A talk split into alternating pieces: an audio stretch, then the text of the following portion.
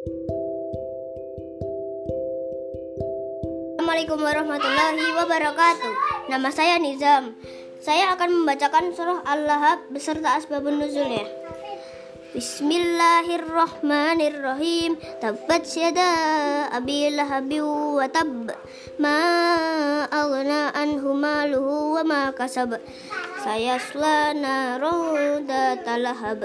Wa imra'atuhu hammalatal hatab. Fi jidha hablum mim masab. Abu Lahab yang dilakanat. Al-Lahab ayat 1 sampai 2 pada masa awal kenabian Nabi Muhammad Shallallahu alaihi wasallam menyampaikan dakwahnya kepada keluarga terdekatnya. Beliau mengumpulkan semua keluarga di Mekah.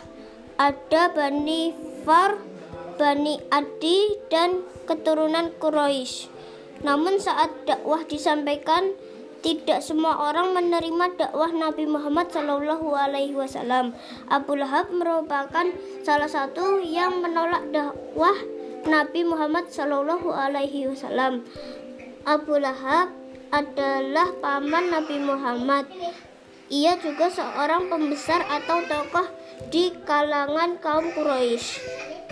Celakalah engkau sepanjang hari Apakah hanya untuk urusan ini engkau mengumpulkan kami? Seru Abu Lahab.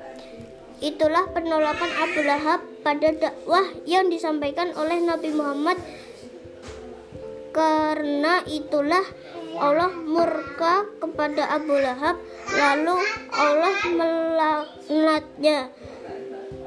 Hadis riwayat Bukhari Muslim. Wassalamualaikum warahmatullahi wabarakatuh.